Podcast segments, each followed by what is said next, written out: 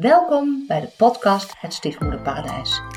Een podium voor stiefmoeders, bonusvaders, stiefkinderen en alle andere soorten bonusmensen. Een plek waar ik met hen in gesprek ga over hun ervaringen met het stiefgebeuren. We bespreken wat er leuk is, lastig is, wat ze anders hadden willen doen of zijn gaan doen. En natuurlijk ontbreken de tips voor andere stiefmensen niet in ons gesprek. Daarnaast ga ik ook in gesprek met professionals die met bonusmensen werken. En deel ik mijn eigen kennis en ervaring als stiefoudercoach. Mijn naam is Marike Jansen en mijn doel en missie met deze podcast is om taboes te doorbreken, elkaar te inspireren, elkaar te steunen en heel veel van elkaar te leren. Ik heb er weer heel veel zin in.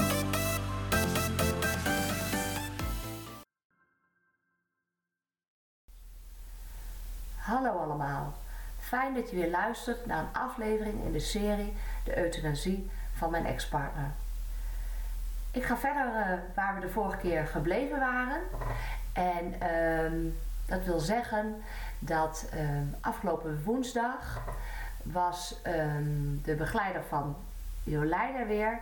Ze heeft al wat langere tijd een begeleider, omdat ze veel heeft meegemaakt. Een scheiding en het overlijden van haar opa, mijn vader. Het overlijden van haar oma, de moeder van mijn ex-partner. Um, verhuizing van haar vader. Daarvoor zijn we nog uh, met elkaar verhuisd. Dus dat is best heel veel. En um, zij heeft echt een super begeleider, Marlies. Uh, um, en daar, ja, dat, Marlies komt uit het onderwijs en ze is ook uh, opgeleid tot coach, kinderbegeleider. En dat doet zij super goed. Zij is heel uh, kindgericht, heeft veel verstand van kinderen, van de ontwikkeling. En doet op een, gaat op een hele speelse manier uh, met Jolijn uh, om. Ja, speelse manier om, maar speelse manier begeleiden.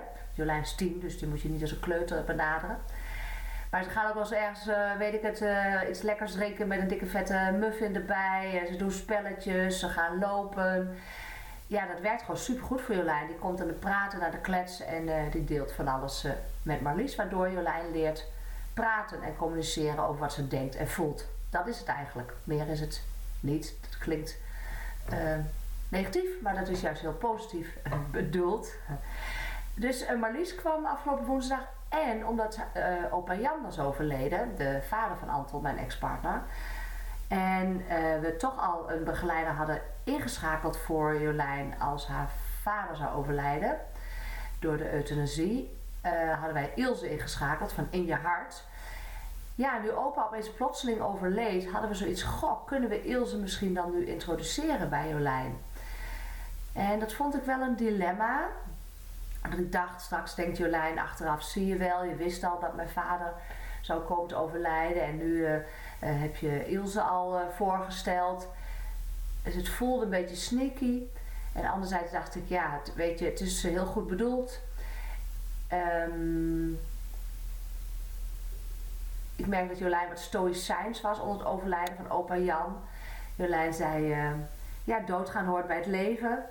En um, ja, dat is nou eenmaal zo, dus zo moeilijk vind ik het niet. Um, maar ik denk dat dat ook wel een beetje uh, zelfbescherming is.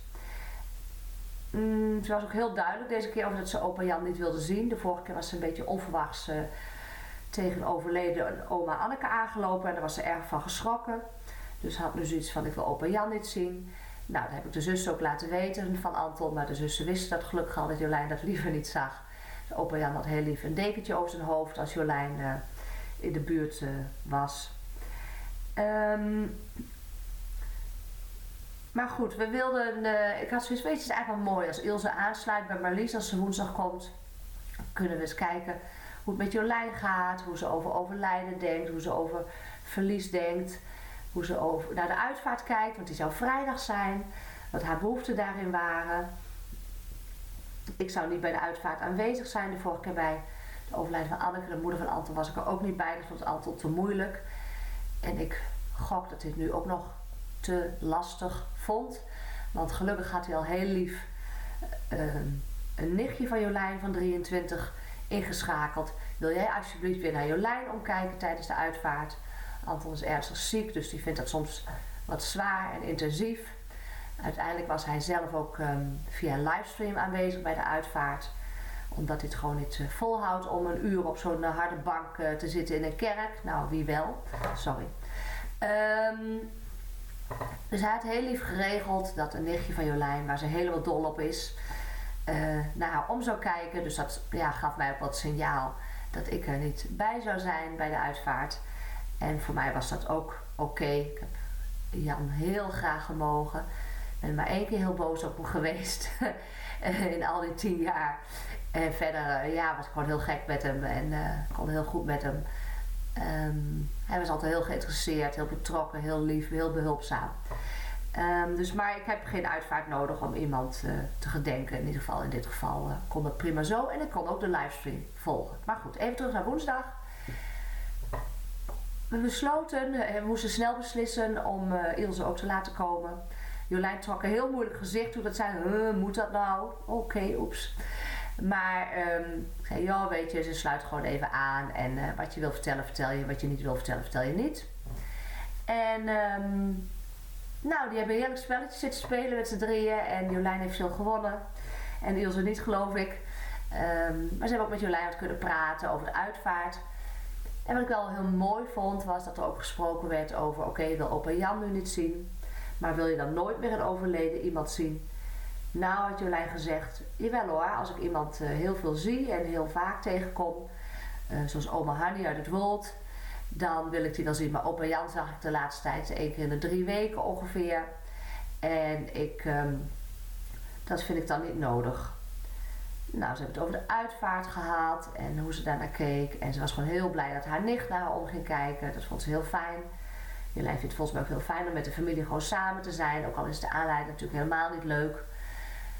Maar goed, dus ze hebben goed met elkaar gepraat. En dat ze, nou, ik, ja, je weet nooit helemaal waar goed aan doet. Maar ik denk dat dit um, goed was. Dat ze elkaar ontmoet hebben. En dat Ilse een half uurtje is geweest of zo. En uh, even kennis heeft gemaakt. Um, ja, dat was het denk ik over die uh, woensdag. Toen had ik donderdag gesprek met Anton en zijn begeleider. En Ilse was daar ook bij. Dat was het vervolggesprek om te praten over de inhoud of inhoudelijke zaken rondom de uh, euthanasie. En uh, de vorige keer was het natuurlijk vrij moeilijk verlopen. Anton was toen heel moe, heel moe. Heel uh, slechte concentratie. Ehm, niet scherp. Maar ja, toen speelde het ook met Jan. Ze hadden toen Jan net in slaap gebracht. hij had denk ik ook weinig slaap gehad zelf, Anton. Nou ja, dus toen konden we één ding bespreken en dat was het. Dus ja, ik vond het echt wel ook heel spannend weer. Van hoe gaat het dan deze keer? hoe zal het verlopen? En ik merk gewoon aan mezelf, weet je, het komt zoals het komt.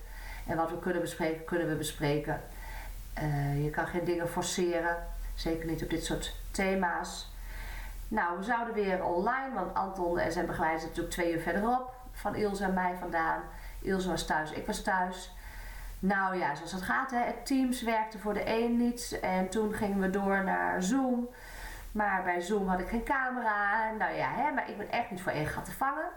Dus uh, ik laat me niet gek maken. Dus uiteindelijk hebben we FaceTime gedaan. En uh, nou, dat werkte wel. Lang leven de techniek. En uh, nou, het was een heel ander gesprek. Anton was heel alert, heel wakker. Ook wel monter, natuurlijk ook verdrietig. Maar we hebben mooi uh, met elkaar de dingen kunnen bespreken die er lagen. En er waren vooral dingen van mijn kant en Ilse had ook wat vragen. Ja, ik was heel benieuwd over um, inderdaad of het nog steeds zo was dat Anton de euthanasie begin december wilde. En hoe dat dan in zijn werk gaat. Nou ja, blijkbaar uh, vragen ze de euthanasie officieel aan zodra Jolijn het weet. En dat is volgende week woensdag, um, half november. En dan um, gaat de euthanasie aangevraagd worden. En ja, Anton zou het dan graag 1 december willen, maar dat is natuurlijk niet per se meteen ook dat dat kan 1 december. Kan ook 2, 3, 4, 5, 6 worden waarschijnlijk. En hij heeft ook verteld hoe het dan in zijn werk gaat en dat de huisarts ook blijft totdat hij overleden is. En ik heb nog gevraagd uh, dat ik begrepen heb dat hij zijn lichaam beschikbaar wil stellen aan de wetenschap. Nou, dat klopt en dat wist ik ook al. Dat was in onze relatie ook al zo. En dan zijn er uh, twee opties. Of ehm, geloof ik zijn brein naar het MS-fonds, als ik het goed zeg. Of MS-onderzoek. En dan gaat zijn lichaam direct naar de euthanasie weg. En dan komt zijn lichaam later terug zonder brein.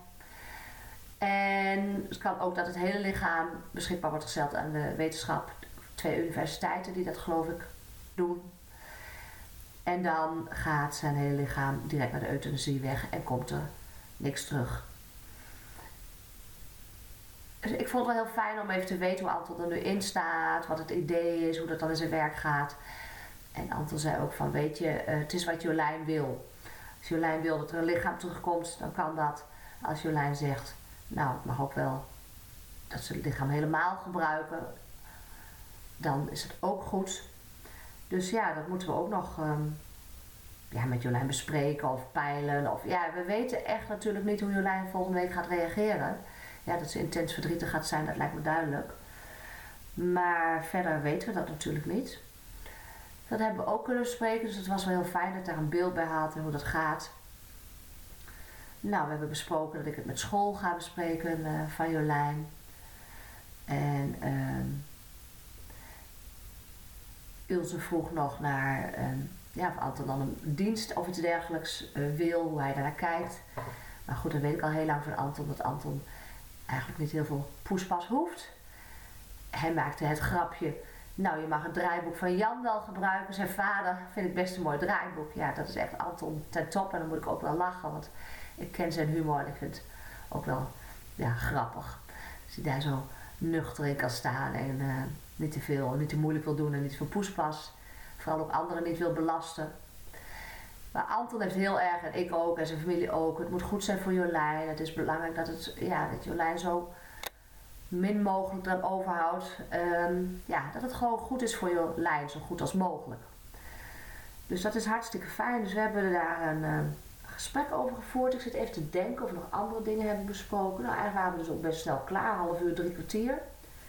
Even te denken. Oh ja, we hebben dus ook besproken dat Jolijn, uh, dat zodra Jolijn weet dat Anton euthanasie gaat krijgen, dat uh, we ook die kant op kunnen komen als Jolijn daar behoefte aan heeft, of als Anton daar behoefte aan heeft en Jolijn dat ook wil. Dus dat het ook uh, mogelijk is. Nou, die manier, oh ja, Anton uh, die zei nog, oh, dus Jolijn wil geen dode mensen meer zien, dus mij straks ook niet. Nou, dat heeft Ilse inderdaad wel uit kunnen leggen, dat dat niet aan de orde is, dat ze waarschijnlijk Anton echt wel wil zien. Um, nou, dus het was echt wel uh, ja, heel gek gesprek, onwerkelijk gesprek, moeilijk gesprek.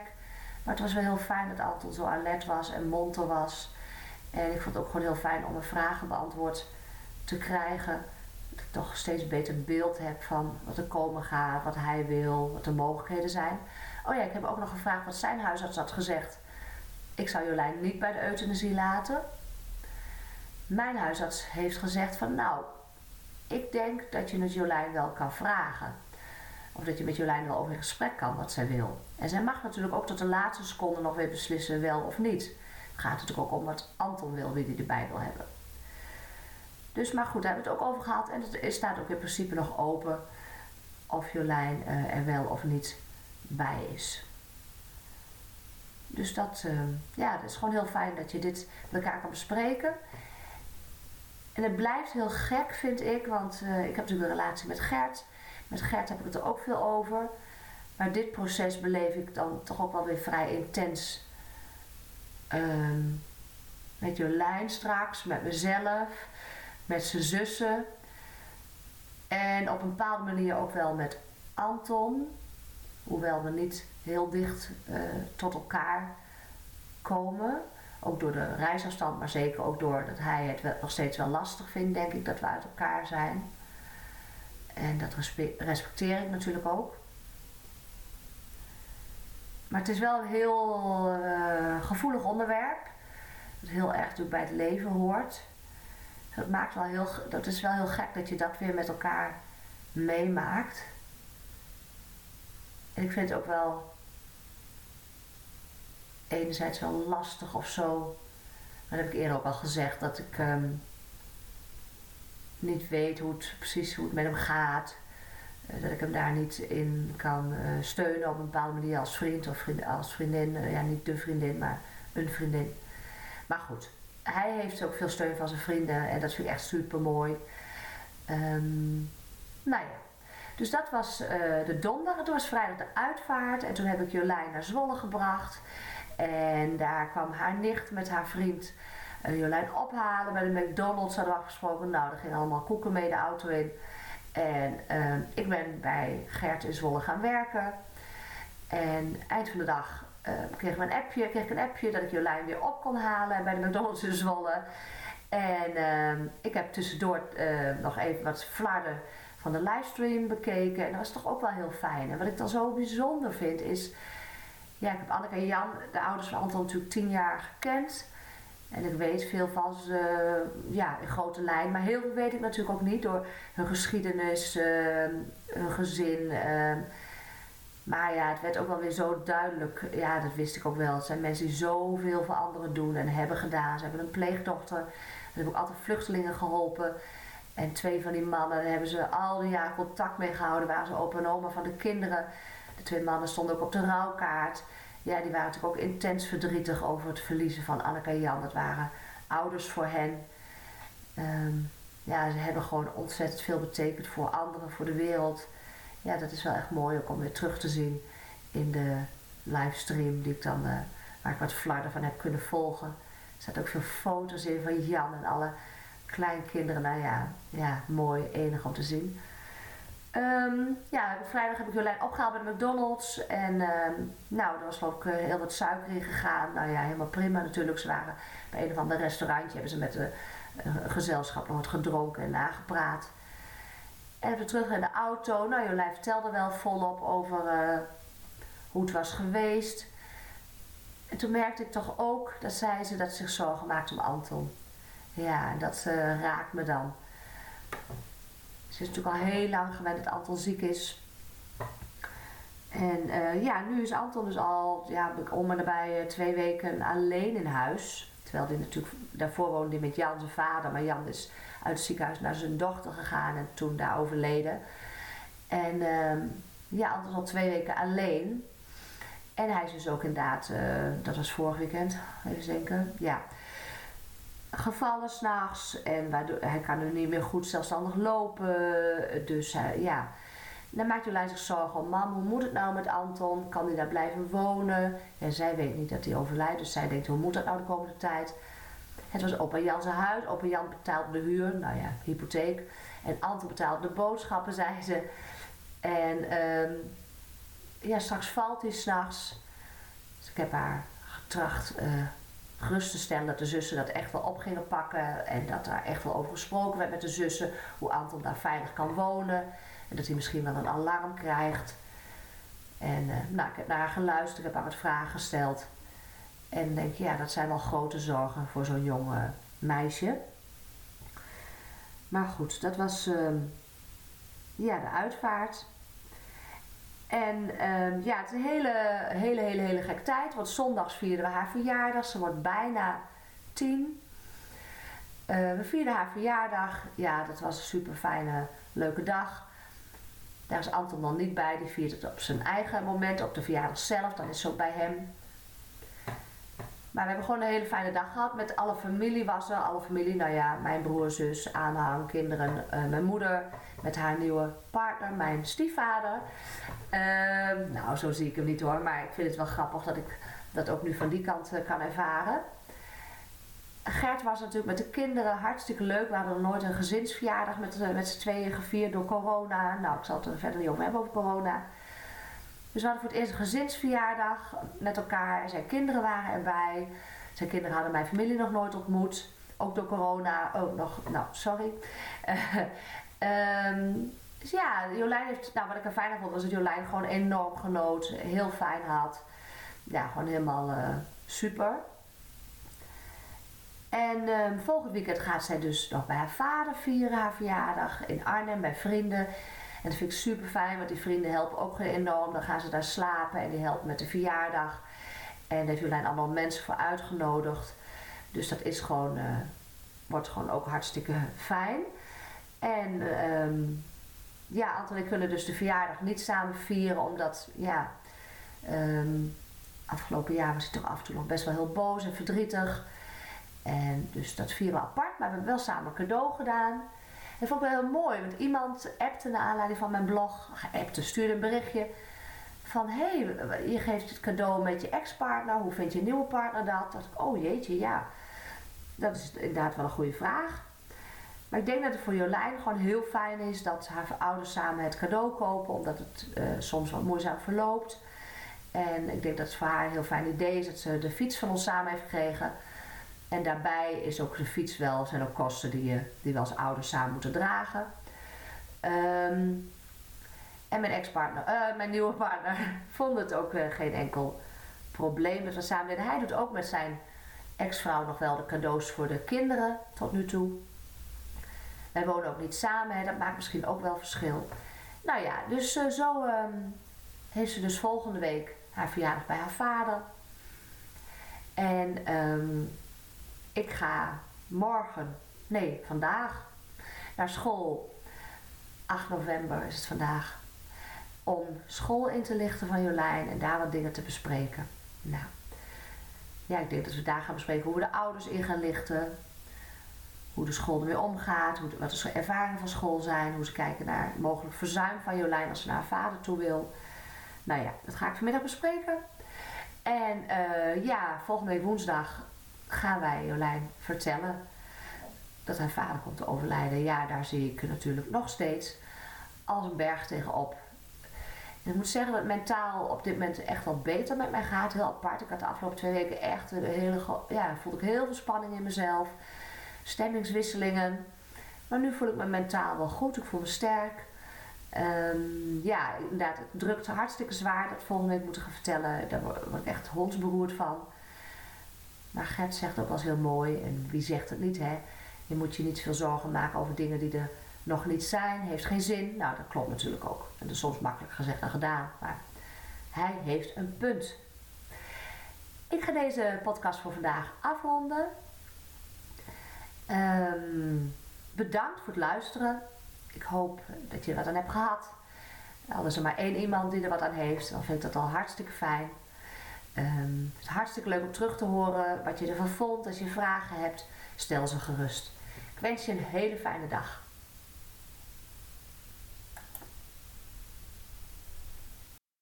Heel leuk dat je weer luisterde naar een aflevering van de podcast Het Stiefmoederparadijs.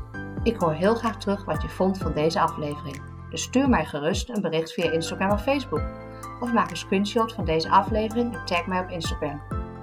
Wist je dat je heel simpel een review kan achterlaten om te laten weten wat je van deze podcast vindt?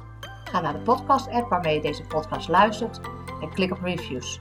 Laat bijvoorbeeld 5 sterren achter en wil ook nog een geschreven review. Heel erg bedankt, je zou me er erg mee helpen.